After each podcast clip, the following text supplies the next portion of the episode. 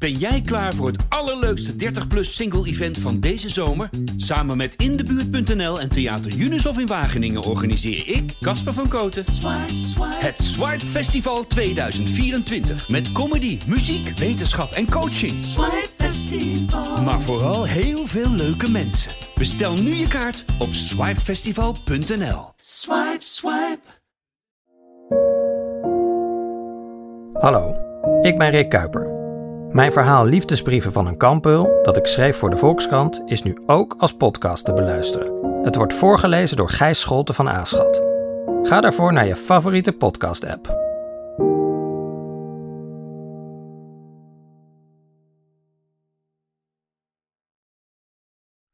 Hallo, mijn naam is Gijs Groenteman. Ik zit niet in een archiefkast op de redactie van de Volkskrant, alhoewel dat in theorie ook alweer mogelijk is. Ik zit ook niet onder de hoofdslaper van mijn dochter. Ik zit thuis bij mijn gast, tegenover haar. Of mijn gast is eigenlijk heel raar om te zeggen, want ik ben dus eigenlijk nu haar gast. Uh, zij is schrijfster en muzikant en singer-songwriter. Moet ik nog, nog meer erbij zeggen, Afka? Dit is, dit is wel goed, hè? Ja, precies. Nou, ze maakt pla platen en boeken dat een lieve lust is. En ze heeft net een fantastische, vind ik, ik heb er heel erg van genoten, plaat uitgebracht. Godzilla. Een super vrolijke plaat met een super donker thema. Uh, over haar depressie gaat hij. Tenminste, hij gaat over alles. Maar goed, die depressie schijnt erin doorheen. Dat is iets waar zij altijd heel veel over uh, gepraat heeft. Dat, dat, ze da dat ze daaronder lijdt en geleden heeft. En daar heel open over is geweest. En nu dus deze plaat erover gemaakt. Heel interessant. Uh, we gaan het erover hebben. Luister naar dit interview wat ik nu ga afnemen met Aafke Romein. Zo, Aafke. Jij was ook geïnteresseerd in mijn recorder, hè? Ja. Hou je ook van apparatuur, net zoals ik? Nou, het gekke is, ik heb een beetje een haat-liefde verhouding met apparatuur. Namelijk, Zo van, vertel ik, even. Nou, ik vind het fantastisch als het werkt. Maar ik vind het, ik kan mezelf er nooit toe zetten om me erin te verdiepen. Dus als ik een nieuw apparaat krijg, dan zeg maar mijn man, als hij een nieuw apparaat krijgt, gaat hij alles lezen en uitproberen. En ja. dat vindt hij echt heel leuk. Gaat hij zich dus wel heel nerdy in verdiepen. Ja, en ik wil gewoon dat het werkt. Ik wil het gewoon al begrijpen. Ja. En als het, als ik zeg maar, ik lees nooit een handleiding, ik zet het aan en als het dan niet binnen vijf minuten lukt, dan moet ik mezelf echt dwingen om het niet uit het raam te flikkeren. Want dan word je driftig. Dan word ik heel boos. Ja. En uh, ja, dan moet ik echt ademhalen en toch dan maar mezelf ertoe zetten om wel gewoon de handleiding te lezen. En als ik dan eenmaal snap, ja, dan kan ik wel echt verliefd zijn op een apparaat. Ja, ja. omdat het zo lekker is dat, dat het het doet en dat je het Ja. hebt en dat je er iets mee kan maken. Precies. Ja, als je Ja. geluk hebt. Ja. Mhm. En de, de manier waarop je dit, waarop je apparaten eh, benadert, is dat ook een beetje hoe je in het leven staat? Eh, ja, ik denk het, ja, ja, ik denk het wel. Mensen zeggen wel eens, oh, je hebt heel veel doorzettingsvermogen, maar ik zie dat zelf helemaal niet zo. Waarom denken mensen dat en waarom zie jij het heel anders? Ehm, omdat, nou ja, omdat ik wel, eh, ik maak dingen die soms heel veel tijd kosten. Dus bijvoorbeeld een boek schrijven of zo. Nou ja, daar gaat heel veel tijd in zitten. Eh, maar, dus ik snap wel dat mensen dan denken, oh jeetje, je hebt heel veel tijd gestoken in het schrijven van een heel boek. Maar ik heb altijd het gevoel van ja, maar ik ben ook gewoon heel erg pragmatisch en heel erg gemakzuchtig geweest. Ik heb het in één keer geschreven. Ik heb zo min mogelijk herschreven. Ik had het nog veel beter kunnen maken. Ja, Maar ja, ik vind het wel oké zo. Ik ga er niet nog een jaar aan ploeteren. precies. Dus Ja. je hebt er dan een jaar aan gewerkt, maar je voelt toch ook je eigen haast en je eigen ongeduld. Altijd, Lees. Ja. Zie, je, zie je er zelf doorheen. Ja, precies. Ja, en haat je jezelf daarom of vind je dat eigenlijk ook weer een goede eigenschap? Ah, dat ligt een beetje aan de, ja, ik weet niet, aan de tijd van het jaar. Dat, komt, het gaat een beetje in golven of zo. Eh, ik heb wel, ik, soms haat ik mezelf, want ja, soms mislukt iets ook. Dus dan wil ik iets te snel afmaken en dan krijg ik gewoon terug van, ja, sorry, maar het is echt niet zo goed. En dan haat ik mezelf en denk, ja, eigenlijk wist ik dat ook wel. En je moet niet altijd zo snel. Maar als, soms lukt het wel. En dan is het heel fijn dat ik niet zo, dat ik niet altijd heel perfectionistisch ben. Ja, Dat ik het gewoon los ja kan want laten. perfectionisme kan ook heel remmend, of kan Ja. heel remmend en is ook heel remmend. Precies, Ja. ja. Het is ook wel, ook wel weer goed om een soort achterloosheid en een soort haast in de dingen te hebben. Ja. Ja, en kan je het van jezelf accepteren dat je bent zoals je bent? Of, eh, Hmm, nou, er zijn, nee, er zijn echt wel dingen waar ik aan mezelf waar ik echt heel veel moeite mee heb. Eh, ik, ben, ik ben van nature iemand die heel erg op zichzelf gericht is en niet, zoveel, niet zo heel erg op andere mensen. Mhm. Ehm, en ik vind mezelf dus ook, ja, ik vind mezelf bijvoorbeeld niet attent. ik heb niet echt een radar voor wat mensen nodig hebben. Of weet je wel, wanneer ze jarig zijn. Gewoon hele stomme dingen Ja. vergeet ik. Eh, ik, vergeet, ik vergeet mijn eigen verjaardag ook daar niet van. Maar ehm, ik, ben, ik heb Wanneer daar ben je jarig? Ja, 1 december. Maar als het midden in de week valt, dan gaat het gewoon voorbij. En dan krijg ik appjes van gefeliciteerd. Dan denk ik, oh ja, of zo. Ja, van Oh, week, fascinerend. van de week was, was mijn trouwdag. En ik, ja, was mijn zusje feliciteerde ons daarmee. En Ja, we hadden allebei zoiets van, oh ja, dat was vandaag. je trouwdag kan ik me nog voorstellen, maar je Ja. eigen verjaardag is toch iets wat zo Ja. bij mij in mijn leven gebeiteld zit. Het is wel, ik, ik weet het wel, maar het is niet dat ik er dan mee opsta of zo, weet Nee. je wel. Of dat ik me erop verheug, of eh, helemaal niet. Of dat ik het wil vieren, of... eh, Nee. Ja, ik weet niet, het zit er niet zo in. Nee, dus je bent heel erg gericht op jezelf, zij het niet op je verjaardag. Zij niet op mijn verjaardag, maar wel op mijn, ja, op mijn werk en op mijn gevoelsleven en hoe ik erbij hang, zeg maar. Ja, En eh, alle energie die ik aan anderen spendeer, die, ja, die moet ik echt incalculeren. Het gaat gewoon niet vanzelf, dus dat moet ik soort van incalculeren en bewust doen. Ja. En dan lukt het op zich wel, tot een bepaalde hoogte. Maar ik ben me er altijd heel erg van bewust... eh, ja, dat het toch een handeling is die ik heb aangeleerd. Dat ik niet van nature een soort van heel sociaal mens ben. en hoe is het dan om bevriend of getrouwd met jou te zijn? Eh, ja, niet Ik weet niet of je getrouwd bent, Ik ben maar getrouwd, ja. ja. Nou, niet, ik denk niet altijd makkelijk. Ik, eh, de, ik- ja, ehm, ik heb sowieso heb ik natuurlijk een beroep wat wel heel erg op mij gericht is. Weet je? Ja. ik maak dingen en daar praat ik over. Dus ik ben altijd over mezelf aan het praten en zelden over anderen. dus, dus in mijn werk ben ik wel heel veel met mezelf bezig. En eh, ja, in mijn privéleven probeer ik er wel. Ik bedoel, ik heb ook een kind. Dus dat, ja, dat, dat is wel een hele goede soort van motivator om toch met iets anders bezig te zijn.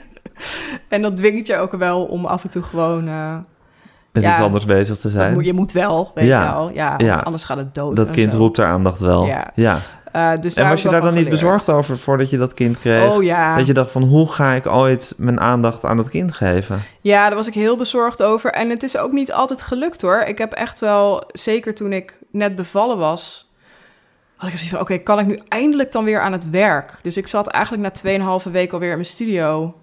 En ik zag iedereen kijken van, waar, weet je wel, waarom doe je dat? En, en ik had echt zoiets van, oh, eindelijk heb mijn lichaam weer terug. Ik ben niet alleen maar een soort van liggende koe. Eh, ik kan eindelijk gewoon weer dingen doen. En ja, dat, ik denk enerzijds dat het voor mij ook wel, zeg maar, eh, het houdt me gezond of zo. Het houdt me op de been.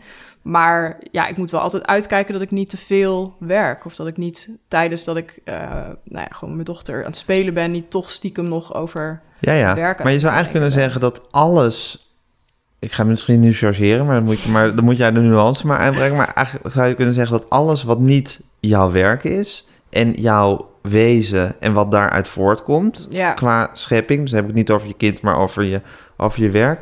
is iets wat je, je- wat je jezelf bewust moet... waarin je jezelf eigenlijk moet toespreken. Ja. Ja, dus dat, dus Ja. dat, dus dat maken gaat vanzelf. dat gaat helemaal vanzelf. Dat is, dat is, dat is een, Geen probleem. een soort hele diepe behoefte die erin Ja. zit... en waar je geen moeite voor hoeft te doen. nee. Maar al het andere is, eh, is eh, bij de les blijven... en zorgen dat het niet uit de hand loopt. Ja. Ja, en gewoon eh, honderd keer tegen muren oplopen en dan denken, oh mijn god, waarom ben ik zo stom? En dan toch het weer de volgende keer weer anders doen. En ja, het is, het is alsof ik een beetje een soort van, ja, de fase die kinderen op de basisschool doorlopen als ze vriendjes beginnen te maken en zo. Die fase duurt mij gewoon mijn hele leven, denk ik. Nou, dat je dat nog moet leren, dat Ja, proces. ja. En voel je dan ook altijd een beetje een vreemde in... eh, dat je altijd toch een beetje Ja. dat eerste dag van de basisschool volhoudt... maar dan in, de hele dag en overal. Ja, ja, ja, een beetje wel. Maar ik heb wel inmiddels, ik heb wel zeg maar sociale skills aangeleerd, waardoor ik wel gewoon makkelijk praat met mensen. Ja. Weet je wel, dat, dat gaat op zich wel nu, aardig. het gaat nu heel goed Het is gegaan, niet heel awkward, zeg maar. Nee. Ja, nee, dus dat kan ik op zich wel. Eh, ik denk dat het, ja, ik moet af en toe wel uitkijken, bijvoorbeeld.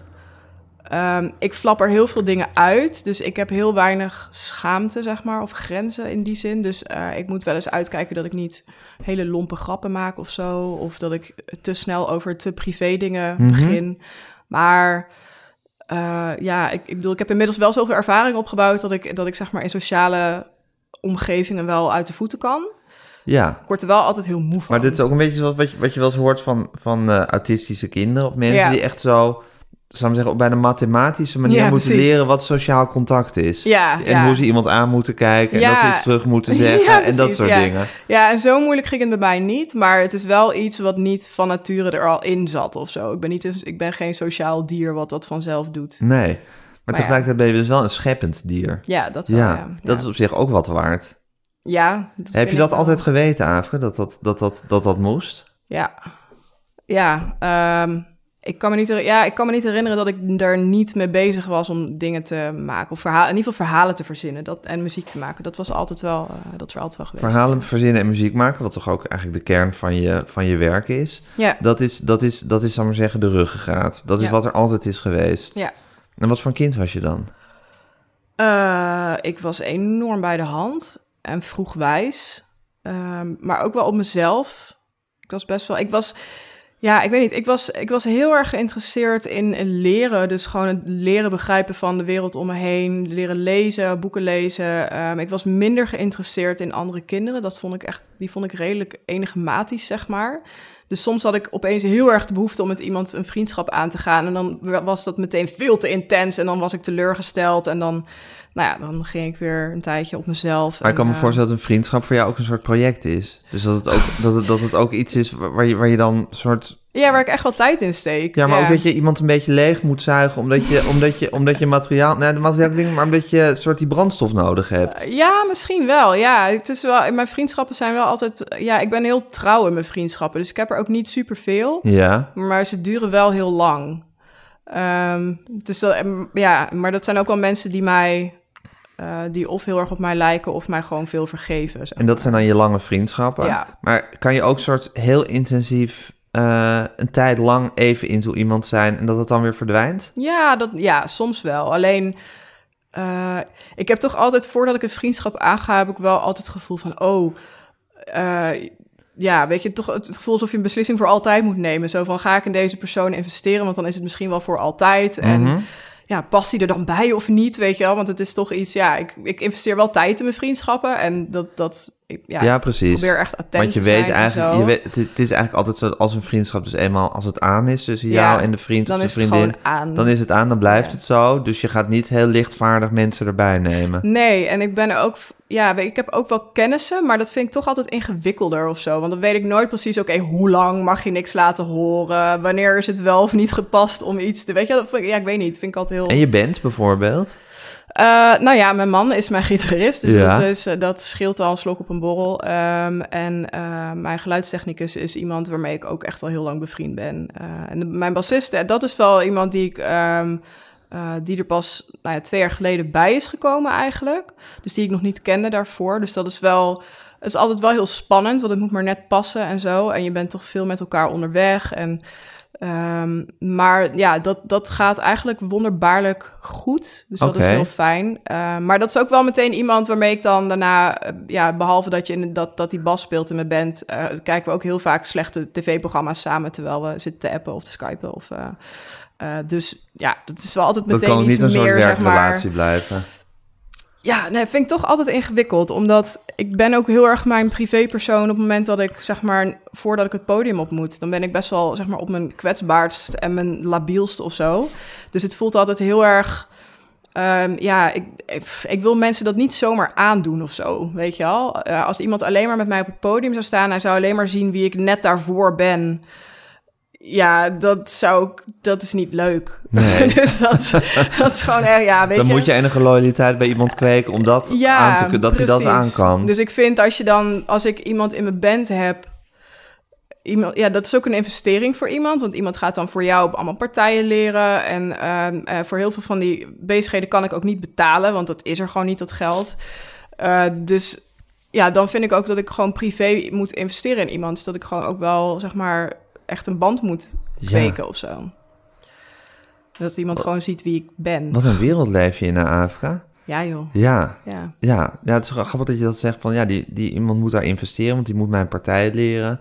Of die moet die partij van die liedjes leren. En het kan ook niet altijd betaald worden. Dus het is ook wel, ehm zal maar zeggen, hoe eh, belangrijk je je eigen werk moet vinden. Om dat ook gewoon te vragen van mensen en daarmee de hort op te gaan. En dat naar Ja. buiten te brengen. Ik bedoel, dat is echt, dan, dan voel je dus echt een grote urgentie om gewoon ook eh, naar buiten te brengen wat er in jouw hoofd zich heeft afgespeeld en wat je hebt gemaakt. ja, Ja, dat klopt. het is allemaal niet licht, het is niet lichtvaardig. Nee, eigenlijk niet. Nee, en dat is ook wel, dat is ook wel bij vlagen is dat wel bedreigend. Want als het niet lukt, of dat mijn carrière opeens gewoon plat komt te liggen, ja, ik, dan weet ik echt niet wat ik dan zou moeten doen. Heb je een carrière nodig? Ik bedoel, ga, Hmm. bedoel moet je, die Ja. dingen blijven toch komen. De dingen blijven je. komen, dat is wel waar. Maar ik denk wel, zeker met boeken schrijven bijvoorbeeld, dat doe je niet als je geen uitgever hebt. Nee, dan moet je een beetje, dan moet je... Dan moet je wel een beetje heel gek in je hoofd Ja. zijn om echt Nou ja. gewoon... eh, het kan natuurlijk wel, maar het is... Ik geloof dat er een miljoen mensen in Nederland bezig Ja, nee, met ik een weet- boek schrijven. Ik weet het. Ik las het ook, ja. En mensen moeten dat ook gewoon doen, weet je wel. Maar ik denk wel dat de stap heel groot zou zijn als je... Zeg maar, als je een uitgever gehad hebt. Dat gebeurt natuurlijk best wel veel mensen die gewoon debuteren... en daarna eigenlijk gewoon gedumpt worden door Ja. een uitgever. Dat lijkt me heel erg moeilijk. Ja, hey, en Afrika, toen je dan een kind was, of laten we zeggen tiener... en eh, beg- beg- begreep je toen hoe je zelf in het leven stond? Had je het al, had je het al uitgepuzzeld voor jezelf? Nee, nee, zeker niet. Nee, ik was... Kijk, ik denk dat mijn... eh, ik ben wel altijd he- me heel bewust geweest van dingen. Dus ik heb altijd wel heel goed om me heen gekeken... en dingen geregistreerd en dingen uitgedacht. Maar ja, hoe ik zelf werkte, dat is, ja, weet je, dat is een soort project. Ja, werkte en leefde. Ja, Ja, precies. Ja. En je verhield tot de andere mensen. Ja, ja, Dat, dat, ja, nee, dat, maar ik weet ook niet of ik dat nu wel helemaal weet. Dat is denk ik iets waar je hopelijk altijd in blijft groeien of zo. Ja, in ieder geval waar je altijd mee, mee moet blijven puzzelen. Ja, ook omdat je precies. zelf ook steeds weer verandert. En je verandert is ook mijn weer. ervaring. Ja, en de wereld verandert. En je, ja, je thuissituatie verandert. En dat, ja, al die dingen. Maar heb je wel, kan, heb je een moment, zijn er momenten geweest dat je er gewoon, dat je inzichten hebt gehad daarin? Dat je ineens dacht van, oh ja, zo werkt het. Of, Oh ja, zeker. Toen ik mijn man leerde kennen, eh, in 2013 denk ik. ehm, daarvoor had ik ook relaties, eh, maar altijd heel erg op afstand. Ik had heel erg het gevoel dat ik heel erg alleen wilde zijn. Dus dat ik mijn eigen huis had en dat ik niet wilde samenwonen, geen gezin wilde stichten, dat soort dingen. En daar was ik heel erg mee bezig. En toen leerde ik mijn man je heel kennen. rigide in. Heel rigide, Ja. ja, absoluut. maar misschien ook omdat je dacht van, ik moet maken in de allereerste Ja, plaats. En alles, kan, en alles kan dan een Alles verstoring is, zijn. alles is afleiding, ja. nou ja, dus goed. Dat, Dat, eh, is ja. wel de kunstenaarsmanier van denken maar natuurlijk. Ik zocht dus ook altijd naar andere makers. Dus de relaties die ik had waren altijd... begrepen. Ja, Ja, dus dan kon je met z'n tweede afspraak maken. Weet je wel, prima, we zien elkaar één keer per week... en de rest van de tijd hebben we gewoon nodig om die opera te schrijven... of weet je wel, dat soort dingen. Eh, maar ergens was ik daar ook toch altijd wel niet helemaal gelukkig in... want ik miste, ik miste mensen toch ook wel heel erg... ondanks Mhm. dat ik vond dat ik een loner was of zo. ja. En toen leerde ik mijn man kennen en toen had ik opeens iets van... oh ja, nee, maar ik wil gewoon met hem in één huis wonen. En waarom was dat dan? Ja, dat, ik weet het nog steeds niet. Ik heb de, echt, zeg maar, de echt belangrijke momenten, beslissingen in mijn leven... is altijd alsof er gewoon opeens een deurtje open gaat. Zo van, oh, kijk, daar is uitzicht. En dat ik niet precies weet, zeg maar, of daar nou een proces aan vooraf is gegaan... of ik kan het niet helemaal reconstrueren, maar dat is er gewoon opeens. En dan denk ik, ja, dat is de goede... Dat, dat is dus heel logisch opeens. En dat voel je dan heel sterk. Ja, Ja, en wat denk je reconstruerend dat het in hem is geweest? Want dat moet dan iets in hem zijn geweest. Ja, of jij was er ineens helemaal aan toe, maar het moet toch ook iets in hem zijn geweest dat hij dit deurtje bij jou opende. Klinkt een beetje pathetisch, maar goed. Ja, en heel erg expliciet ook wel. Ja. Ehm, ik denk... ehm, nou ja, ik denk dat, dat ik... Dat, zo, mijn man was meteen heel duidelijk. Die had zoiets van... eh, als wij een relatie aangaan, dan is het gewoon wel voor het echi. Dus ik ga niet lopen wachten of eh, eh, lopen zoeken of whatever. Nee, Dit we is gaan ook- niet eerst heel lang playing hard to get doen of Nee, nee het, is gewoon, het was gewoon... Hij kwam en hij zei... Hallo, ik wil jou heel graag. En normaal gesproken zou me dat compleet bang hebben gemaakt. En beklemmen, Ja, ja. Eh, maar bij hem had ik zoiets van... Oké, dat Neem snap me dan ik. maar. Ja, dat snap ik. Het is wederzijds. En het was gewoon... Ja, we woonden letterlijk binnen een week samen. En zijn er mee weggegaan. Ja, dat was echt heel maf. dus ja, En is nog is op een of andere manier te beschrijven wat, waar, bedoel, dat had hij dus. ja dat had Nou, dat hij. En, en ik, waarom dat jou niet beklemde en waarom dat... ik denk dat ik toch op een punt was gekomen... dat ik na tien jaar aan, aanmodderen met, eh, met afstand, nabijheid... en alles wat ertussenin lag... eh, dat ik toch onbewust wel gewoon echt behoefte had aan een hele duidelijke situatie. Een heel eenduidige Ja, eh, ja, vooruitgang, zeg maar. Dus Ja. een soort van, oké... een heel helder, een heel, helder helder- beeld. Een heel heldere situatie. Waar, waar we gewoon allebei voor de volle 100% achter zouden kunnen staan zonder voorbehouden. Ehm, ik wist ook precies wie hij was, zeg maar. Ondanks dat ik hem natuurlijk pas net kende. Maar ik, van dit, ik wist vrij zeker dat hij niks achterhield. Zeg maar alle dingen die enigszins pijnlijk konden zijn... heeft hij ja, de eerste twee dagen dat we samen waren... heeft hij die allemaal op tafel gelegd. Van kijk, uh, als je mij neemt, dan krijg je dit en dit en dit erbij. Uh, en ik vond het allemaal nogal meevallen. dus ik, nou ja, dus ik heb hetzelfde gedaan. En ja, dat was Jullie hebben gewoon... een soort uh, gebruiksaanwijzing van jezelf gegeven, zoals met die apparaten. Ja, voor zover mogelijk. Want er zijn natuurlijk altijd dingen waar je Tuurlijk. in de loop van de tijd pas achter En dingen kunnen ook veranderen, en zoals dingen we net al zeiden. ook veranderen, absoluut. Maar ja. jullie, hebben, jullie hebben een soort helemaal open kaart gespeeld in wat er, wat Ja. er was en wat voor beren op de weg lijken in de kast, noem maar wat er nog zouden kunnen zijn. precies, ja. En zo van, nou oké, dan kan je me nemen en dan is het absoluut. Dit krijg je erbij, kies maar. Precies, Ja. ja. Was, is dat op een avond of zo gebeurd? Was dat echt, of is dat een soort gesprek wat zich over die ja, week voordat jullie gingen samenwonen? Nou, tussen het moment dat jullie elkaar ontmoetten, dat jullie gingen samenwonen? We hebben denk ik twee nachten gewoon, eh, ja, ik, gewoon twaalf uur achter elkaar op Skype gepraat. Gewoon hij in zijn huis en ik in mijn huis en gewoon eh, de hele nacht doorgepraat. Eh, en toen zijn we een paar nachten bij elkaar geweest en dat gesprek is daarna gewoon niet meer opgehouden. En eh, ja, na een week of zo, eh, toen heb ik hem meegenomen naar mijn ouders. En toen heb ik hem voorgesteld, maar dat is van, ja, wat is dit nou weer, weet je wel. Ja. Ik weet dat mijn moeder ook echt gezegd heeft van... eh, ja, ik wil wel dat je dit heel serieus neemt, weet je wel. Dus dat je... Of tegen hem dan, hè. Ook echt van... Ook van wees voorzichtig met mijn dochter. ja, En ja. ze wist ook hoe absoluut jij was als je eenmaal absoluut Precies, was. ja. ja, ja. En dat hij vol, gewoon volle serieus heeft gezegd... ja, dat ga ik doen. En toen was het ook oké voor mijn ouders, ja. Dus... Was het belangrijk voor jou of het oké was voor je ouders? Ah, ja, ja, voor ja wel. Ik heb wel daarvoor heb ik relaties gehad, of in ieder geval één lange relatie gehad met iemand die, eh, die, die 22 jaar ouder was dan ik. En ehm, ja, in heel veel opzichten gewoon een heel, heel ingewikkeld persoon. Fantastisch, leuke, leuke vent, maar eh, met een enorme rugzak, zeg maar. Eh, en dat vonden mijn ouders heel ingewikkeld, want ik leerde hem kennen toen ik 17 was en hij 39. En eh, nou, we zijn bijna acht jaar samen geweest. Maar eh, ja, dat was altijd moeilijk. Dus ja, weet je, en dan kun je denken van ja, het is de liefde van mijn leven, maar uiteindelijk wringt dat toch, want je wil dat iemand gewoon deel wordt van de familie ook.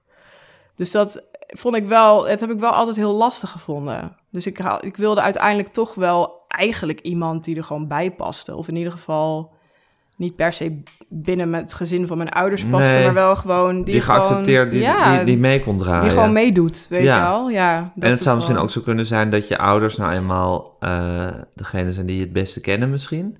Dus dat je, ook, dat je ook diep doorvoelt van zij snappen het misschien. Of zij, zij weten het ook, hoe het zit. Ja, ik denk ook, maar mijn vader heeft altijd tegen mij gezegd, weet je wel, ook eh, voordat ik mijn man leerde kennen, van ja, jij, jij, hebt, jij hebt gewoon stabiel iemand nodig, stabiliteit nodig. Je hebt iemand nodig die er gewoon altijd voor je is. En had ik wel zoiets van, jeetje, wat ben jij een saaie boomer, weet je wel. Ik vond het echt Dat heel... woord eh, bestond nog nee, niet, dat maar goed, niet. Maar je dacht het als wel het al. Had, als het had bestaan, Ja. had ik het zeker gebruikt. Eh, en, maar hij had gewoon gelijk achteraf. Dus in die zin denk ik wel van ja, ik denk dat mijn ouders wel dingen zien, zeg maar, eh, die Ja. ik zelf op dat moment nog niet wil zien. Of, Precies. eh, ja, En dat weet je misschien diep van binnen ook, dat doorvoel tuurlijk. je. Ja. Dus, dus dan ga je ook je man voorstellen. ja. En dan denk je toch ook, ook even, even proeven wat zij ervan eh, van vinden. ja, absoluut. Ja. En waarom denk je, want nou goed, jij had dus heel duidelijk een gevoel, een eh, behoefte aan een heldere situatie. Iets wat heel duidelijk was. Mhm. En jij meende dat te, te kunnen vinden in, in je man. Nou, dat, dat is dus vooralsnog gebleken. ja. En wat denk je dat, waarom dat, dat hij zo absoluut was in dat hij jou wilde? Ehm, nou, ik denk omdat hij ook op eenzelfde punt in zijn leven stond qua eh, dat hij qua relaties vooral heel goed wist wat hij niet wilde. Eh, wat hij niet meer wilde. En dat hij iemand wilde die.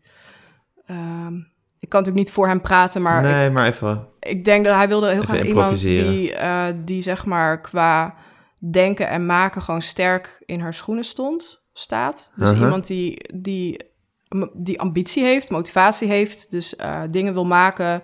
eh, en met wie die ja, gewoon een soort constant gesprek kan voeren. Ja, dat ja. van heel filosofisch naar heel eh, melig en weer terug gaat. Maar dat is dus ook wel grappig dat misschien dingen, iets wat andere mensen misschien heel onaantrekkelijk of, of een beetje eh angstaanjagend zouden vinden, namelijk dat, dat je met iemand bent die eigenlijk altijd een groter belang heeft, namelijk Mhm. wat zij of hij wil maken, wat eruit moet, dat is wat hij juist heel aantrekkelijk vindt aan Ja, jou. maar omdat hij zelf ook weer, hij schrijft ook. Dus hij heeft het ook wel, zeg maar. Ja, Uh, maar hij, ja, hij was wel al iets verder in, in de zin van dat hij vooral toch het belangrijk vond om gewoon zijn privéleven op orde te hebben. Dus om gewoon een fijne relatie te hebben. snap en, ik. En En dat, daarin hij, te investeren. en dat dan met iemand is die, die zo duidelijk iets moet ja. en die zo veel ambitie heeft, dus Ja. zoals jij Ja, had en ja. hebt. Dat Maar vond het is ook wel veel hoor. Ik bedoel, het is, ik weet niet of hij precies wist, zeg maar, hoeveel ambitie ik had op dat moment. Ehm, maar het was wel iets waar hij naar op zoek was. Ja. Ja. En hoe zit het met die ambitie van jou, Afrika? Hoe, hoe, hoe voelt dat? Ehm, ja, ik vind dat iets wat heel moeilijk uit te leggen is. Omdat voor mij de drang om te maken heel erg samenhangt met de wil om te leven, zeg maar. Dus het idee dat je opstaat en dat je, zin, hebt- dat je wakker wordt en zin hebt om op te staan. Ja. En, en die zin om op te staan, die moet iets, voor mij iets te maken hebben met... ik ga dit doen of dit maken of weet je wel. En dat, het hoeft niet per se te zijn dat ik iedere dag een liedje schrijf of, of een boek schrijf... maar wel dat ik aan het werk ben aan een soort van... ja, body of work bijna of zo. Ja. Aan een soort van enorm project waar ik mee bezig ben. Dat is jouw leven. En- dat is jouw leven. Dat is alles wat je maakt is één enorm project eigenlijk. Ja, precies. En ehm, dat constant verandert en bijgeschaafd wordt. En, eh, ehm, ja, en, en de, de zin om daar aan te werken, die, ik ben me er heel erg van bewust dat die totaal absurd is eigenlijk. Want Mhm. ja, weet je, what the hell, waarom zou je dat doen? Ehm, maar dat maakt het des te belangrijker dat ik het wel voel. Want het is voor mij, weet je, de zin om te leven is voor mij net zo absurd. Want er zijn heel veel redenen om helemaal geen zin te hebben om hier te zijn en, eh, en dingen te doen. Eh, dus het moment dat ik wakker Zo word... makkelijk is het leven niet. Nee, nee. Nee. ja, nou maar ja, niet eens zo makkelijk. Maar ik bedoel, ja, waarom? Weet je wel? Ik bedoel, is er een reden dat wij, dat we hier doorheen moeten? Nee, die is er niet in principe, weet je wel? Ja. Dat, ja. Je kan any moment bes- beslissen om ermee op te Er is een soort sociale druk, weet je wel, van ja, je berooft jezelf niet van het leven, want het is niet aardig voor je naaste. Maar ehm, ja, zeg maar op mijn cynische momenten of mijn depressieve momenten is dat wel, zeg maar, de, het ravijn waar ik in kijk de hele dag. Ja, Uh, en ik kom daaruit en het eerste wat ik weer voel als ik daaruit kom... is de wil om op te staan en aan het project te gaan werken. Dus dat is voor mij echt... als je uh, depressief ja. bent kan je niet werken. Nee, nee, nee. Ik heb wel... Kijk, in mijn depressies heb ik wel ups en downs. Dus er zijn betere en slechtere dagen. Dus Mhm. sommige dagen kan ik dan wel iets doen. Ehm, en als het een heel klein beetje beter gaat... dan is het eerste wat ik doe mijn laptop openklappen... of achter de piano gaan zitten en gewoon gaan. En dan kan ik ook niet... ehm, voorzichtig beginnen of zo, weet je wel. Het is gewoon full speed ahead. Zoals alles bij jou absoluut is. En totaal. Ja, Eh, ja. Ik probeer, ik probeer toch wel... Ik probeer nuance te zoeken, maar het is, het is een moeilijk ding, ja. Ja, en dus zou je dus eigenlijk kunnen zeggen dat jouw eh, wil tot maken, tot scheppen, is eigenlijk het positief of het neg of de, de andere kant, de andere kant van de medaille van de depressie. Dat zijn eigenlijk de dingen die gewoon lijnrecht tegenover elkaar staan. Ja, Als het een er is, is de ander niet. En als het ander is, is het een er niet. ja. Ja, en ik denk dat, dat daardoor die depressies ook zo heel groot zijn. Omdat, het, ja, omdat de, de zin om te maken ook heel groot is. En dat, dus als dat wegvalt, is het gat ook heel groot. Ja, en dat zijn twee enorme krachten die tegen, die, die tegen, elkaar, eh, die Ja. tegen elkaar strijden. Die ik soort van in balans probeer te houden. Ja. is een depressie eigenlijk iets wat er van het ene moment op het andere is? Of is het iets wat, wat, wat, wat er langzaam insluipt? Ja, dat kan allebei. Het kan echt zo zijn dat ik wakker word en gewoon echt... Ja, eh, de, ik bedoel, de laatste depressie die ik heb gehad was eh, zeg maar het- het seizoen 2019-2020. Eh, en dat was echt gewoon... Ik werd wakker op 26 september en het was er... 2019? Ja, en het was er. Het is niet meer weggegaan. Eh, ja, een jaar later. Maar Tot? Weet je ook nog de datum dat het weg was? nee, want dat gaat vaak wel heel traag. Oké, Ja. dat is met dat je voelt van ik kan weer mijn laptop of ik ga mijn laptop openklappen. Ja, of- nou die momenten zijn er gedurende dat jaar ook. Alleen het is net alsof je een soort van weer een conditie moet opbouwen. Dus de eerste keer dat je je laptop openklapt, dan ben je zo bang van... oh, ik hoop maar dat dit gevoel blijft. En dan word je daar zo angstig voor dat je hoe dan ook weer, Mhm. Eh, weer terugvalt. Mhm. Ehm, en eigenlijk is een depressie pas over als je niet meer doorhebt dat, dat die over is, zeg maar. Dat je er überhaupt niet meer over nadenkt of je, hoe je wakker gaat worden. Of, uh, ja. En de, ja, dat duurt vaak dan een jaar of zo. Ja. ja. En 26 september 2019 was de, was de, uh, de meest Ja. recente keer dat hij zich openbaarde. Ja. Heb je eigenlijk, heb je, hou je altijd het hoop dat ze niet meer terugkomen? Nou ja, dat is ehm, eigenlijk sinds deze laatste depressie ehm, is die heb ik die hoop wel echt laten varen. Omdat daarvoor ben ik, eh, ben ik best, best wel lang stabiel geweest. En heb ik alleen een depressie gehad tijdens mijn zwangerschap. Maar dat was heel duidelijk terug te leiden tot, nou ja, Ja. je bent zwanger, er verandert van alles. Hormonale chaos waar je Ja. dan sowieso in verkeert. Precies. Ja. Ehm, maar eh, daarvoor was ik eigenlijk gewoon, ja, sinds ik mijn man heb leren kennen, was het gewoon oké. Dus ik had echt zoiets van, nou, misschien waren die depressies iets dat hoorde bij mijn vorige leven of mijn, eh, nou ja, en ben ik nu gewoon, eh, is wat ik nodig had, een stabiel, stabiele relatie Ja. en een huis en, en dat soort dingen. Ehm, ja, dus eigenlijk sinds deze laatste depressie, die kwam op een moment waarvan ik echt denk, ja, er was werkelijk geen enkele reden om depressief te worden, gewoon niet. Nee. Het was Dus echt, het was echt de, het de komt- klinische depressie. Als in, Het was gewoon echt als een ziekte. Ja, het Zonder enige Nee. ge- eh, verantwoording in, in, de, in je psychische gesteldheid. Er verder. was niet iets buiten wat om mij heen dat ik kon veranderen om het beter te maken. Ja. Dus het kwam echt vanuit mezelf. En eh, ja, dat heeft. Ik denk dat die depressie daarom ook best lang geduurd heeft, omdat ik gewoon eh, meteen zoiets had van ja. Oké, dit is het dan. Maar dat betekent wel dat ik de rest van mijn leven hiermee zit met deze toestand. Ja, Uh, want er is nu werkelijk geen enkele garantie meer dat hij niet terugkomt. En dat is wel, ik, ja, dat is, vind ik nog steeds wel heel moeilijk. Want ik heb wel heel lang de hoop gehad dat het een soort van puberale fase was of zo, weet je wel. Van, nou ja, uh, op een gegeven moment een soort van hooikoorts waar je overheen groeit of zo. Maar ik ben bang dat het dat niet is. Ja. dus, ja het grappige is, ik, Ja. heb, ik heb nooit last gehad van depressie, wel van migraine. Iets Oh, totaal ja. anders. Maar dan zit, nou, als je met een, met een collega migraineleider, ik heb er nu geen last meer van, maar dan over, over praat, is iedereen meteen totaal in dat onderwerp, dat iedereen als een gek altijd bezig is om te proberen te achterhalen van hoe heb Waar je die aanval gekregen? Waarom heb ik gisteren zo'n hoofdpijn gekregen? Heb ik te veel gedronken? Of heb, ik, heb ik te lang, te kort geslapen? Of heb ik te hard gepraat? Of je gaat als een gek speuren naar, eh, naar, redenen, oorzaak, naar ja. oorzaken. Terwijl uiteindelijk kom je erachter dat het gewoon, eh, het klopt gewoon op je deur en dan eh, is het er. Ja, dat is heel maf. Want het is, ja, weet je, even heel cru gezegd, als iemand kanker krijgt, dan is niet de eerste vraag van mensen, hoe komt dat? Nee. Wat heb jij gedaan waardoor je dit hebt? Ja. Ja, ja kijk, als iemand longkanker krijgt, dan heeft heel veel gerookt, Allah. Maar, ja. ehm, En met er- depressies is dat toch... Dat, maar goed, dat Ja. was dus bij jouzelf ook de, eh, de reflex. ja, om maar te- ook om te omdat je om- hoopt of dat je het kan oplossen. Zeker. Nee, Ja. En omdat het natuurlijk in je, in, je, in je hoofd zit... en je altijd denkt dat je met denken en regelen... je hoofd kan eh, op orde kan krijgen. Ja, ja, klopt. En dat is gewoon, ja, dat is maar heel ten dele waar. Want het is natuurlijk wel zo eh, dat je heus wel een hoop kan verzachten of zo door, door te denken of te doen. Of, dus er zijn echt wel, ja, het is geen ziekte dat je zeg maar in je ziekenhuisbed gaat liggen en wacht tot het overgaat of zo. Ja. Maar ja, ik denk dat het wel een illusie is dat je het kunt voorkomen altijd. Dat, Absoluut. eh, ja, dat, Ja. dat, dat, in mijn geval helaas niet. Nee. en dat is de conclusie die je sinds 26 september 2019 ja. moest, eh, moest Ja. trekken. ja, eigenlijk wel. Ja, Hoe voel je het als je dan wakker wordt? Hoe voel je het dat de depressie er is? Ja nou, een, een totale paniek. Dus gewoon wakker worden en het gevoel... eh, ja, het is net alsof er iemand met een mes zo voor je staat, alleen hij is er niet. Maar je hebt dezelfde Ja. adrenaline Ja. rush. En dan Of dat je in een constant. vliegtuig zou zitten en je voelt dat, die, dat het ja, misgaat, precies, zoiets. dat.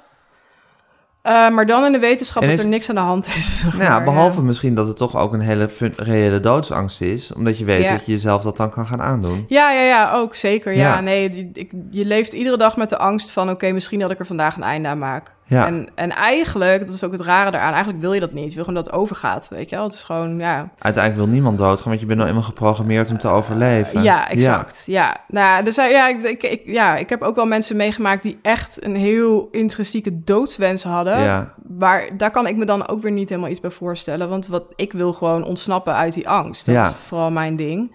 Eh, en, er, ja, en er zijn gewoon momenten dat het zo uitzichtloos lijkt dat, dat doodgaan de enige optie lijkt. Ja, Eh, en dan moet je heel hard rationaliseren en nadenken om dat weer weg te krijgen. ja. zeg maar ik kan me dus zelfs voorstellen dat, dat die, dat die eh, mensen met een, met een hele bewuste doodswens, dat dat ook, ik, ik zit nu maar een beetje te, te fantaseren, hè, want ik heb hier totaal geen verstand van, maar dat dat ook een soort, dat ze eigenlijk de paniek hebben dat ze zichzelf wat aandoen, dus eigenlijk, eigenlijk in permanente paniek over de dood Ja. verkeren. En dat je op een gegeven moment wel weet van, maar doodgaan is wel uiteindelijk de enige manier om het stil te krijgen, om, deze, om van deze paniek af te komen. Ja, Ja, zoiets, een soort rare ja twist waar je dan in zit. Ja. Ja, maar je wordt dan dus wakker met, met dus inderdaad een, een soort hele acute paniek over de situatie. Ja, gewoon, eh, ja, en het, het, het, er, nou ja, er zijn altijd een paar seconden voordat je zeg maar in paniek raakt, dat je wakker wordt en denkt, hé, hey, dat je nog niet helemaal bewust bent van waar je bent en dat je wakker bent. En die zijn vaak heel rustig.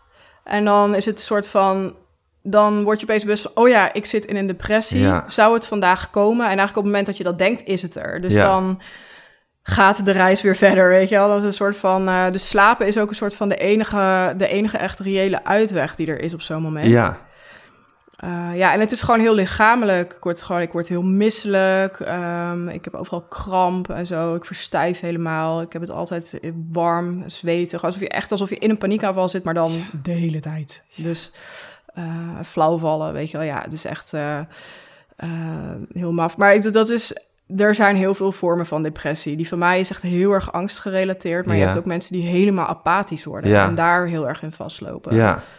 Ehm, ja. maar bij jou is het angst en niet. paniek. Ja, En is die plaat die je nu hebt gemaakt, Godzilla, is dat waarmee je begon toen de depressie begon te luwen?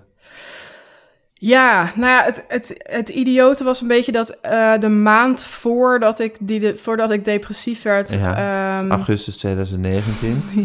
heel scherp, Ja. Eh, had ik de opdracht aangenomen om een dichtbundel te schrijven. En ik had helemaal bedacht waar het over ging, materiaal verzameld en thema's. En, maar ja, Je was lekker bezig. Ik was lekker bezig. Eh, maar ja, toen kwam die depressie. En ja, er is binnen een depressie gewoon nergens ruimte voor, behalve voor die depressie. Het is echt een soort van eh, alles opslokkend ding. Ehm, dus op het moment dat ik me een klein beetje beter voelde, dacht ik, ja, weet je, ik kan nu wel heel erg soort van krampachtig over andere dingen gaan schrijven, maar ja, dan hou ik eigenlijk iedereen een beetje voor de gek of zo, weet je wel. Dus ehm, ik ga toch gewoon over die depressie schrijven, want je, ja, als je in een depressie zit, ben je wel, ik ben dan wel ook maandenlang bezig met toch het zoeken van woorden om te omschrijven aan andere mensen wat er gebeurt.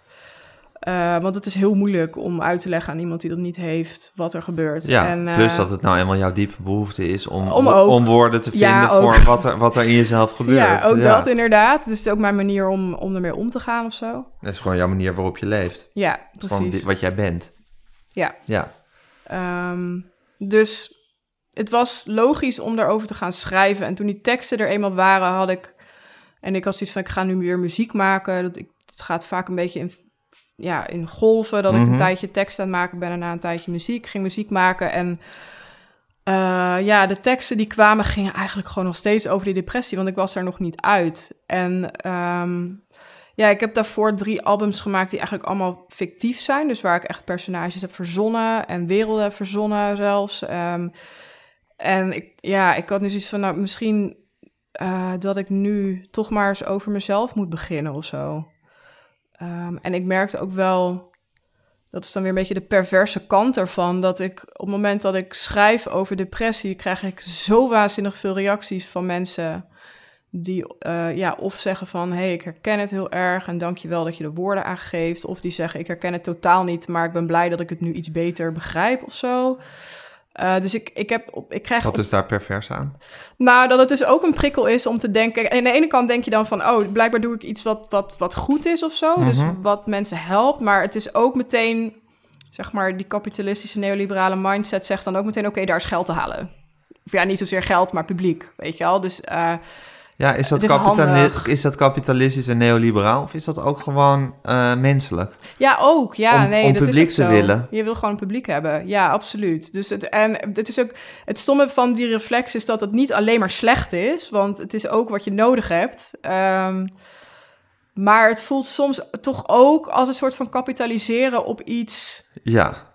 Ah, weet je, ik weet niet. Ja, alsof je dan een soort van one-issue partij wordt of zo. Ja, of dat je, dat je de makkelijke weg kiest of zo. Ja, precies. Zo van, Zo ik, maak... ik heb dit probleem. Mensen, mensen vinden dat lekker om daarover te Exact, horen. ja. Ik ga het lekker uitventen. ik ga nu lekker professioneel psychiatrisch patiënt worden, bij wijze van spreken. Ja. En dat vind ik wel... Vind je ja, moeilijk? Dat vind ik heel moeilijk. Terwijl je ook juist heel erg niet eh, je mond wil houden over nee, depressie. Nee, dat is ook... Want je bedoel, vindt ook weer dat het gewoon besproken en oud en niet open moet.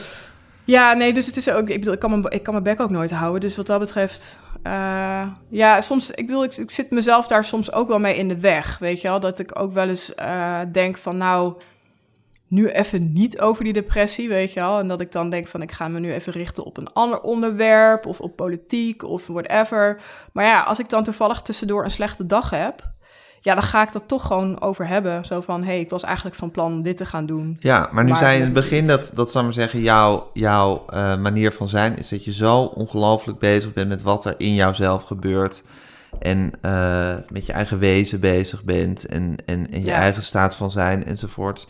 Is het dan ook niet gewoon heel belangrijk voor je, voor je kunst, enigszins dramatisch, om gewoon dat ook te omarmen en te accepteren dat je, dat je uiteindelijk toch gewoon ook zelf gewoon het onderwerp van je kunst bent? Ja, ik, ook, al ik heb denk je daar heel wel. veel, ook al heb je daar helaas dan misschien, als je over je depressies iets maakt, heel veel succes mee. Ja, dat is, ik vind dat zo ingewikkeld. Maar ja, ja, ik denk dus dat het wel... Ik, ik heb daar heel lang tegen aangehikt. Omdat ik iets anders wat mij wel echt heel erg drijft... is een soort van ja, rechtvaardigheidsgevoel en gemeenschapszin... die bij- bijna een soort van politiek is of zo. Dus ik, ik, ik maak me ook altijd enorm kwaad. Dat is gewoon een andere drijfveer... eh, om Nou, sociale... is heel politiek. Ja, sociale ongelijkheid, basically. Weet je wel, dat is voor mij gewoon... eh, ja, ik kan daar heel slecht tegen. Ehm, en op het moment dat, ik me, dat het met mij goed gaat... dan is het eerste wat altijd weer gebeurt... is dat ik naar anderen ga kijken, toch ook. Maar vaak op een veel grotere schaal dan Ja. één op één. Maar gewoon Ja, van, weer op zo'n soort mathematische schaal. Ja, precies. Ja. Van oké, verdeling van welvaart over de wereld. Weet je wel? Het is, ja, en... ehm, Equals oneerlijk. equals oneerlijk. Ja. Dus er is zit ook wel een soort van gem- gemeenschapszin of zo in. Daar ben ik toch ook wel heel erg door gefascineerd. Door eh, manieren waarop we kunnen samenleven die voor zoveel mogelijk mensen zo fijn mogelijk zijn. Weet je wel? Dat vind ik. En ja, het is wel waar dat ik dat bijna als een puzzel zie. Maar ik heb wel sinds ik een kind heb dat ik het ook wel echt voel. Dus dat ik als ik kinderen op tv zie, ik, dat, je wordt gewoon als Ja, dat is gewoon je week- dat is iets wat aangesproken wordt. dat, ja. dat steekt gewoon recht in je hart, zeg maar. Dus het heeft wel echt een emotionele dimensie gekregen of zo. Die, eh, dus dat, dat komt er wel altijd ook bij om de hoek kijken. Ja, ja. Maar ja, dat is gewoon ook wat, wat ook in jou zit. Ja, maar- uiteindelijk zit alles natuurlijk in mij. ja, dat zeker. waar. Ja, zeker. ja, dat zit alles, dat, Ja. precies, dat zit ook in jou. En dat is ook een diepe behoefte. En ik voel dat dan toch inderdaad als, als ook je, dat, dat, nu ik je dus een half uur ken, dat ik, dat je, dat jouw, eh zou maar zeggen, diepe, eh, jouw woede of jouw, jouw punt over sociaal onrecht, omdat het ook het gebrek aan logica is wat erin zit. Dat het Ja, iets is wat, wat op te lossen is. En Ja. wat als, als je het allemaal anders zou regelen en iedereen Ja. zich even voor de, de, een, een stapje extra zou zetten, Ja. is het op te lossen. En waarom gebeurt dat niet? Ik denk dat je daar de spijker op zijn kop Ja. Ja. Nee, het is voor mij echt een soort... Een soort conundrum dat mensen niet allemaal, zeg maar, gewoon even om zich heen kijken en denken... Goh, wij eten best wel veel varkens. Vinden die varkens dat leuk? Weet je, gewoon het zijn hele Ja, simpele en hoe dingen. moeilijk is het om geen varkens te eten? Of Is dat nou de helft werkelijk? van het aantal varkens dat je eet? eentje minder per Ja. jaar, weet je wel.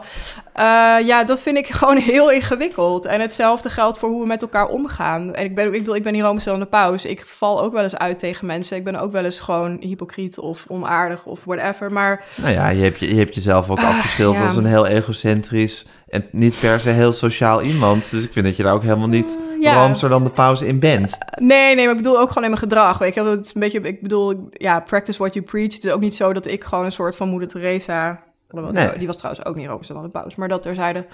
Ehm Nee, Ja. maar als, als symbool, moeder Als Teresa. symbool, moeder ja, Teresa. ben je nee, niet. Dat ben, nee, helemaal Nee. niet. Nee. Eh, en toch vraag ik me af waarom niet iedereen inderdaad gewoon net even wat extra moeite doet. Of gewoon bepaalde, weet je, waarom de politiek bepaalde dingen niet gewoon doet. Weet je Ja. wel? Dus gewoon... ja, dus eh, daar kan ja. jij je oprecht over op. Of dat is ja, een soort. en soort dat is, is inderdaad een soort gebrek aan logica. dat is een gebrek aan logica die je om je heen ziet. En, dat, en daar, daar, nou, daar sla je ook op aan. Ja, Ja, zo sla je ook aan op je eigen. Bedoel, dat, dat kan toch allemaal in je werk ja dan? zeker. Ja, nee, absoluut. Nee, dat is waar. Ja, maar je wil dan bij jezelf, dan, dan voel, je, voel je de opwinding die je nou eenmaal altijd voelt. Als je veel likes hebt, veel streams hebt, als je een succesje hebt met iets, als het, als het aanslaat. En daar, Ja. Daar voel je dan de blijdschap over. En tegelijkertijd wantrouw je die blijdschap ook onmiddellijk.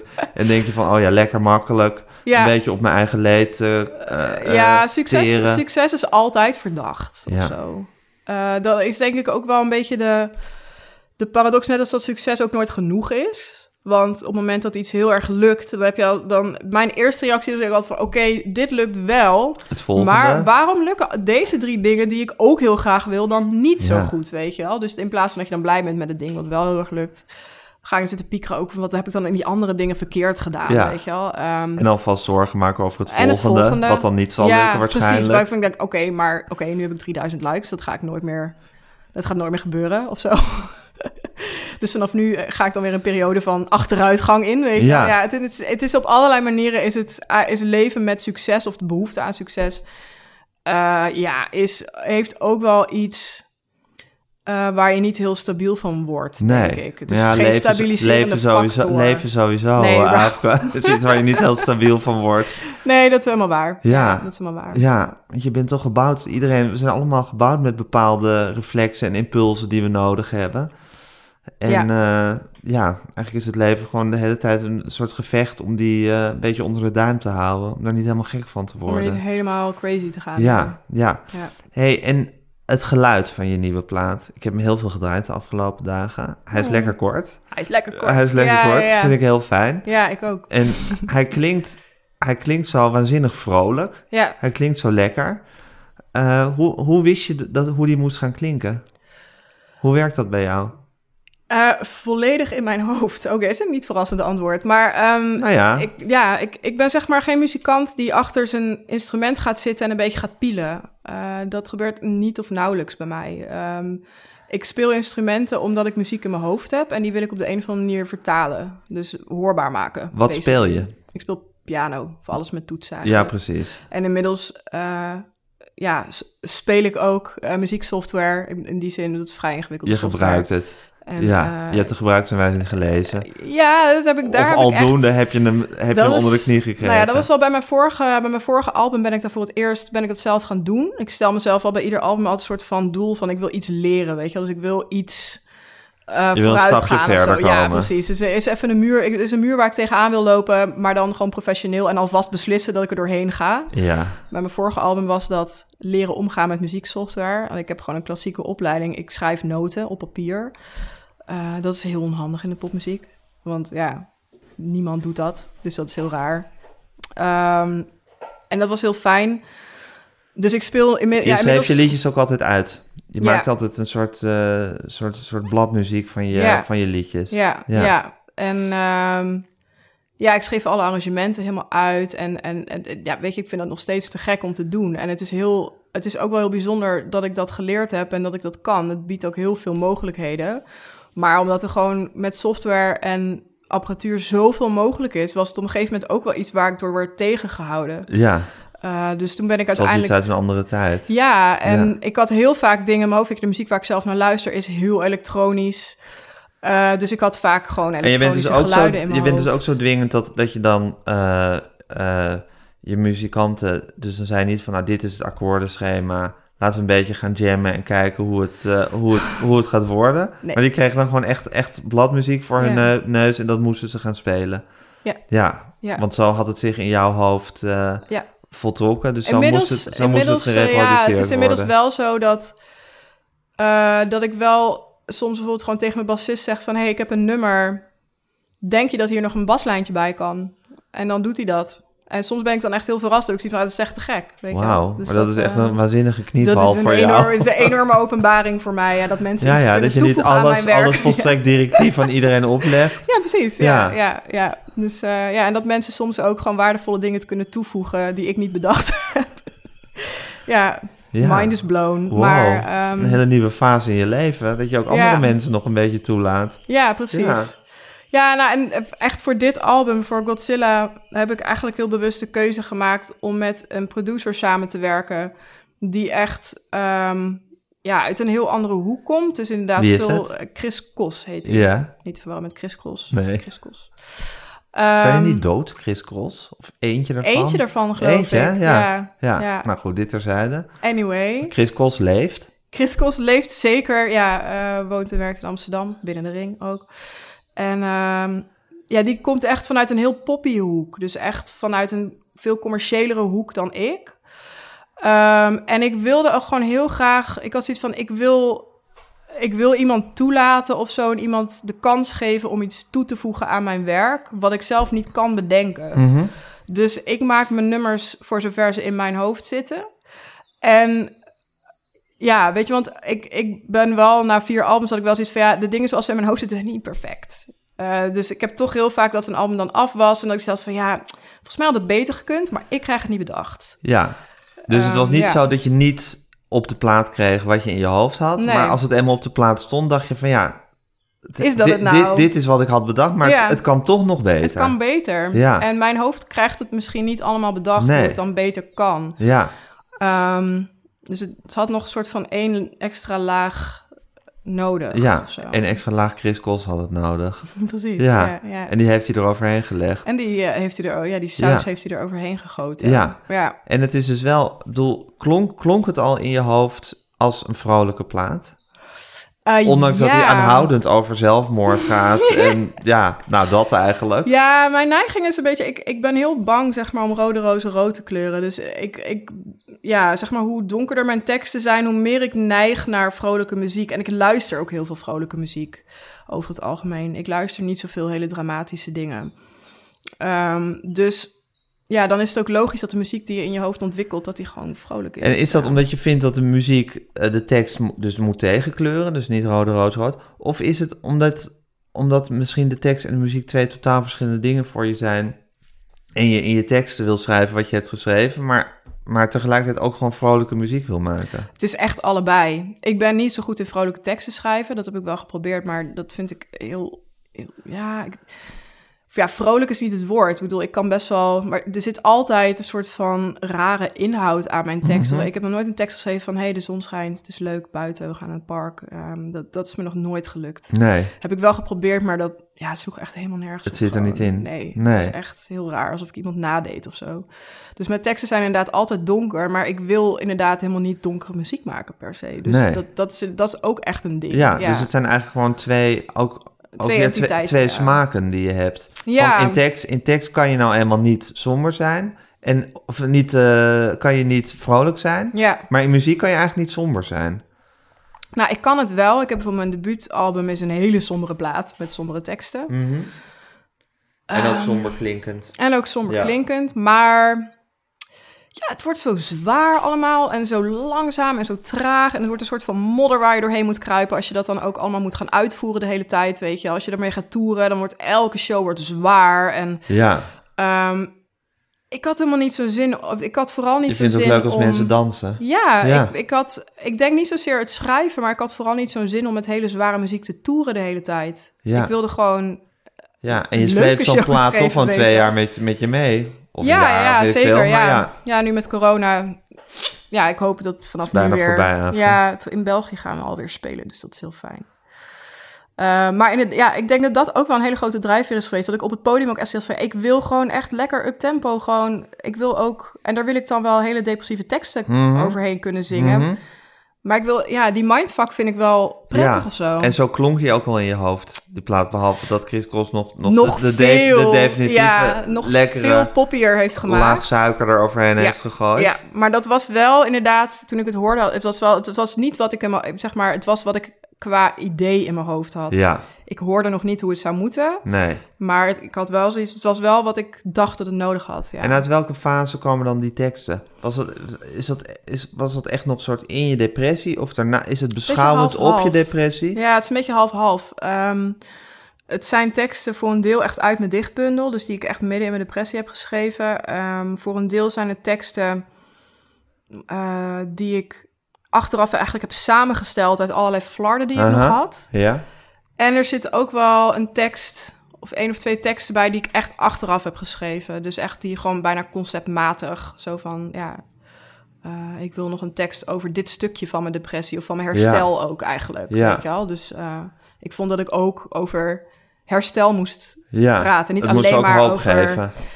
Ja, maar ook omdat herstel eigenlijk het grootste deel van de depressie is. Het grootste deel is gewoon proberen, ja, genezing bijna, een soort van Ja. zoektocht naar. eh, en, en dat dat soms wel en soms niet lukt. Dat is gewoon een heel groot deel van, van depressief zijn. Ja. Eh, dus ik vond dat dat wel ook echt op de plaat moest komen. Was het een beladen plaat voor je om te maken? Of heb je ervan genoten? Nee, het viel eigenlijk wel mee. Ik heb er eigenlijk heel erg van genoten. Ja, het is heel grappig. Ehm, eigenlijk juist omdat het zo persoonlijk was en ik niet zo heb hoeven, eh, ja, hoeven, heb hoeven zoeken naar verhalen of zo. Want dat is vaak wel, zeker bij muziek maken, vind ik dat altijd een heel moeilijke fase. Dat je Mhm. songteksten moet gaan maken, want die komen bij mij altijd als allerlaatst. En dan moet gaan bedenken, oh, waar moet het nummer over gaan? Eh, en dan moet het ook nog gaan passen op die muziek, wat vrij ingewikkeld is. Want je hebt een metrum, je hebt... eh, nou ja, de Nederlandse taal is sowieso eigenlijk helemaal niet zo fijn om te zingen. Want je hebt heel veel klinkers die net allemaal verschillend zijn. En als je ze dan op bepaalde hoogte, hoogte zingt, worden ze onverstaanbaar en zo. Ehm, en je hebt heel veel, heel veel medeklinkers, zoals gerst en zo, die je niet wil zingen. Dus het, ik vind songteksten zoeken eigenlijk altijd een enorme opgave. Of, ehm, en dat was nu veel minder, want ik had die teksten eigenlijk al. Dus dat was, ik, ik had mijn materiaal eigenlijk al. En dat was eh, best wel een soort van opluchting. En ik merkte ook dat het veel makkelijker was om ze te zingen, omdat ze gewoon echt over mezelf gaan. En zingen is uiteindelijk toch, ook al ben ik dat niet en wil ik dat niet, is toch ook echt een fysiek, emotioneel proces. Eh, dus het rare was ook dat ik in de studio die dingen ging inzingen. En ik, normaal neem ik dan echt een week de tijd in de studio om dat helemaal te perfectioneren. En nu was het echt zo. Het staat er gewoon op na twee dagen. Het was gewoon klaar. En eh, ja, toen zeiden zeg maar in, in de studio de engineers ook van... ja, dit, dit had je volgens mij ook prima gewoon zelf thuis kunnen doen. Want het kwam gewoon vanzelf. Dus eh, ja, op een hele gekke manier was het eigenlijk een heel... kwam hij heel makkelijk, die plaat. Ehm, en omdat Chris er nog echt de laag glans overheen heeft gegeven, eh, gegooid... waar ik normaal zelf heel erg naar moet zoeken en niet altijd vind... Ja, dat was echt een soort van cadeau. Zo van iemand maakt het gewoon nog even twee keer zo goed, weet Ja. je wel. Ehm, Maar eigenlijk heb je ja. dus twee, twee heel belangrijke dingen geleerd bij het maken van deze plaat. Ja. Namelijk A, dat je, dat je jezelf eigenlijk veracht omdat je zo persoonlijk bent en daarmee scoort. Ja. Maar dat je tegelijkertijd merkt dat het ook heel dicht bij jezelf ligt en daarmee ook heel direct is. En goed ook daarmee, denk ik. Dus dat het. En dat het, dat het daarmee ook wat meer vanzelf komt. En dat je ook nog andere mensen kan toelaten in je hele proces. Ja. Die wat jij in je hoofd hebt misschien nog beter maken. ja, Ja. absoluut, ja. Ehm, Wat een ontdekking, hè? Ja, ja. Ja. Zeker, ja. Nee, dat is echt... Dat is, wat dat betreft is het een heel fijn proces geweest. Ook omdat ik eigenlijk met de plaat pas begon... toen ik al een beetje zo uit mijn depressie aan het komen was. Dus het loopt ook gewoon parallel met dat het gewoon weer beter ging Ja. met mij ook. Ja, Eh, het is echt de zon die opkwam. Ja, een beetje wel eigenlijk. Ja. En het grappige is dat het daarom misschien ook wel zo'n vrolijke plaats wordt. Ik had ook helemaal niet het gevoel van, oh, ik, ik moet me verantwoorden over het feit dat ik zulke vrolijke muziek schrijf over Ja. depressie. Ik was iets van, nou ja, voor- het is ook wel heel logisch voor mij of zo. Ja. Ehm, ja. Ja. Ben je echt blij dat je leeft op dit moment? Ah, ja, nu wel. Vind je ja. het wonderbaarlijk dat je nog leeft? Ehm, ja, ik vind het altijd een hele moeilijke vraag, want ik... ehm, aan Krijg de ene heel, kant krijg je wel. heel vaak deze vraag? Ja, maar meestal niet van journalisten, maar van mensen in mijn directe omgeving. ja. Ehm, eh, ik, ik- er zijn wel momenten geweest dat ik echt er heel dichtbij was om, om gewoon iets heel doms te doen. Alleen wat ik wel echt heel dat beschouw je als weet, iets heel doms.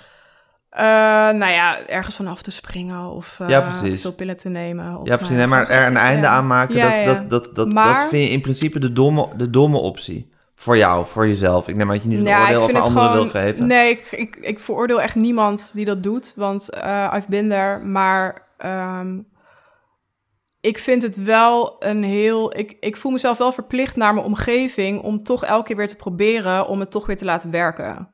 Zeker als je een kind hebt, dan houdt het, dan houdt het Ja. gewoon op. Dan is die optie er gewoon niet meer. Nee. Ook al wil je dat heel graag, dan Ja. is het gewoon klaar.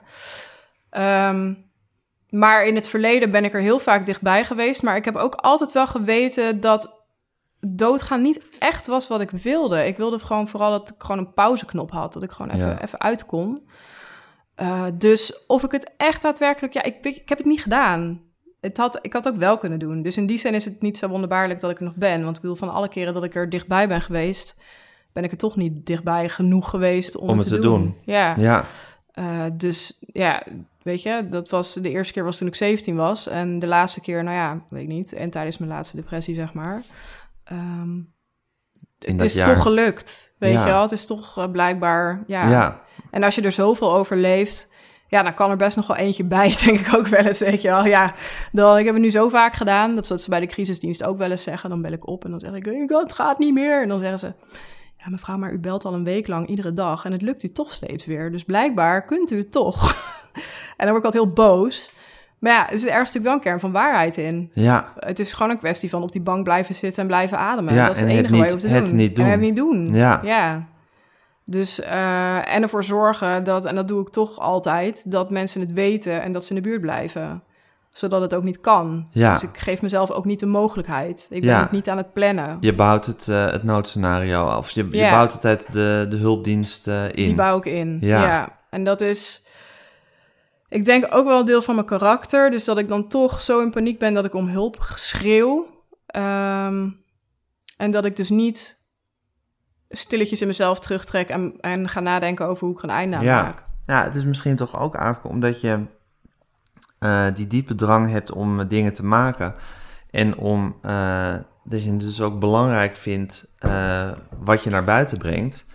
Dat je toch ook eh deep down het gevoel hebt dat je ertoe doet.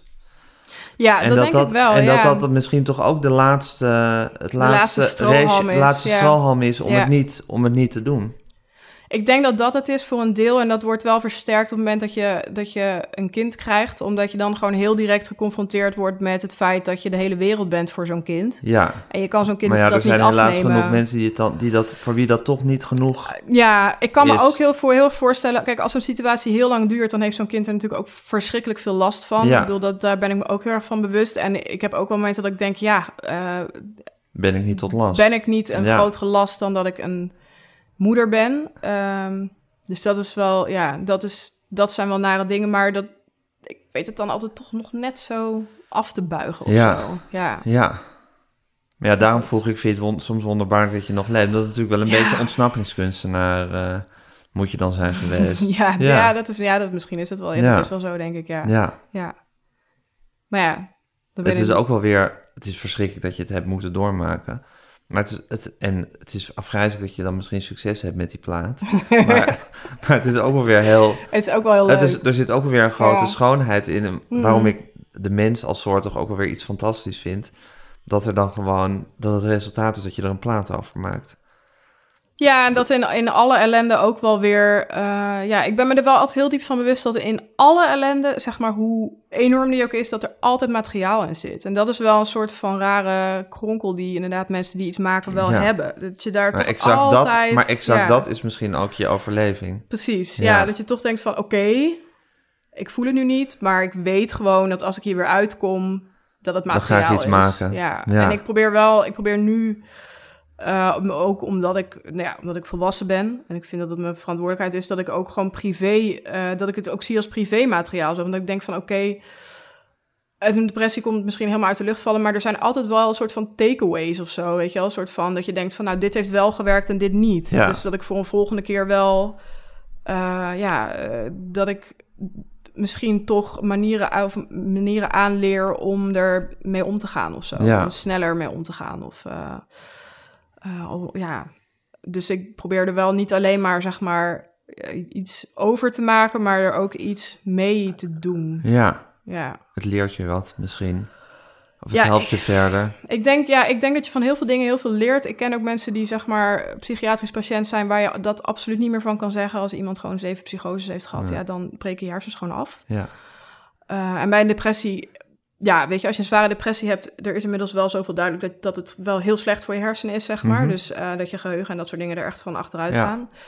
Eh, maar ik probeer toch altijd, eh, het toch, ja, weet je, als het dan toch moet, dan probeer ik er ook iets uit te halen, weet Ja. je wel. Dan, ja, voor een volgende keer. En ik denk dat wel een van de dingen die ik ervan geleerd heb van al die depressies, is toch, is toch een bepaalde vorm van empathie die heel moeilijk aan te leren is. Namelijk Ja. dat je snapt hoe verschrikkelijk mensen zich kunnen voelen.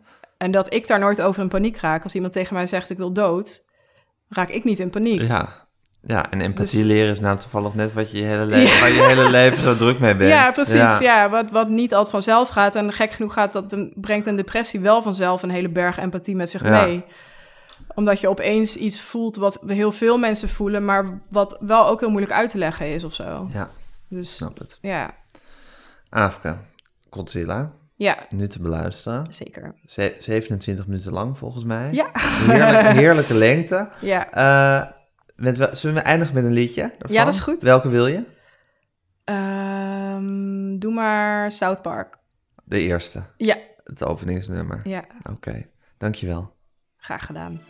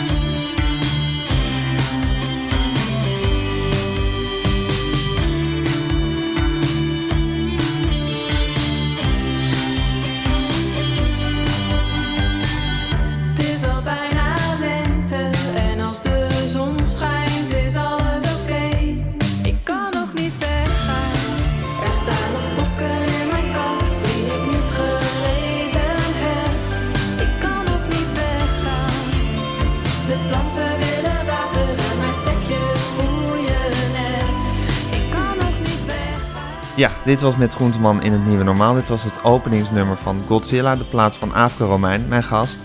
Mijn naam is Gijs Groenteman. Ik maak deze podcast samen met Daan Hofstee.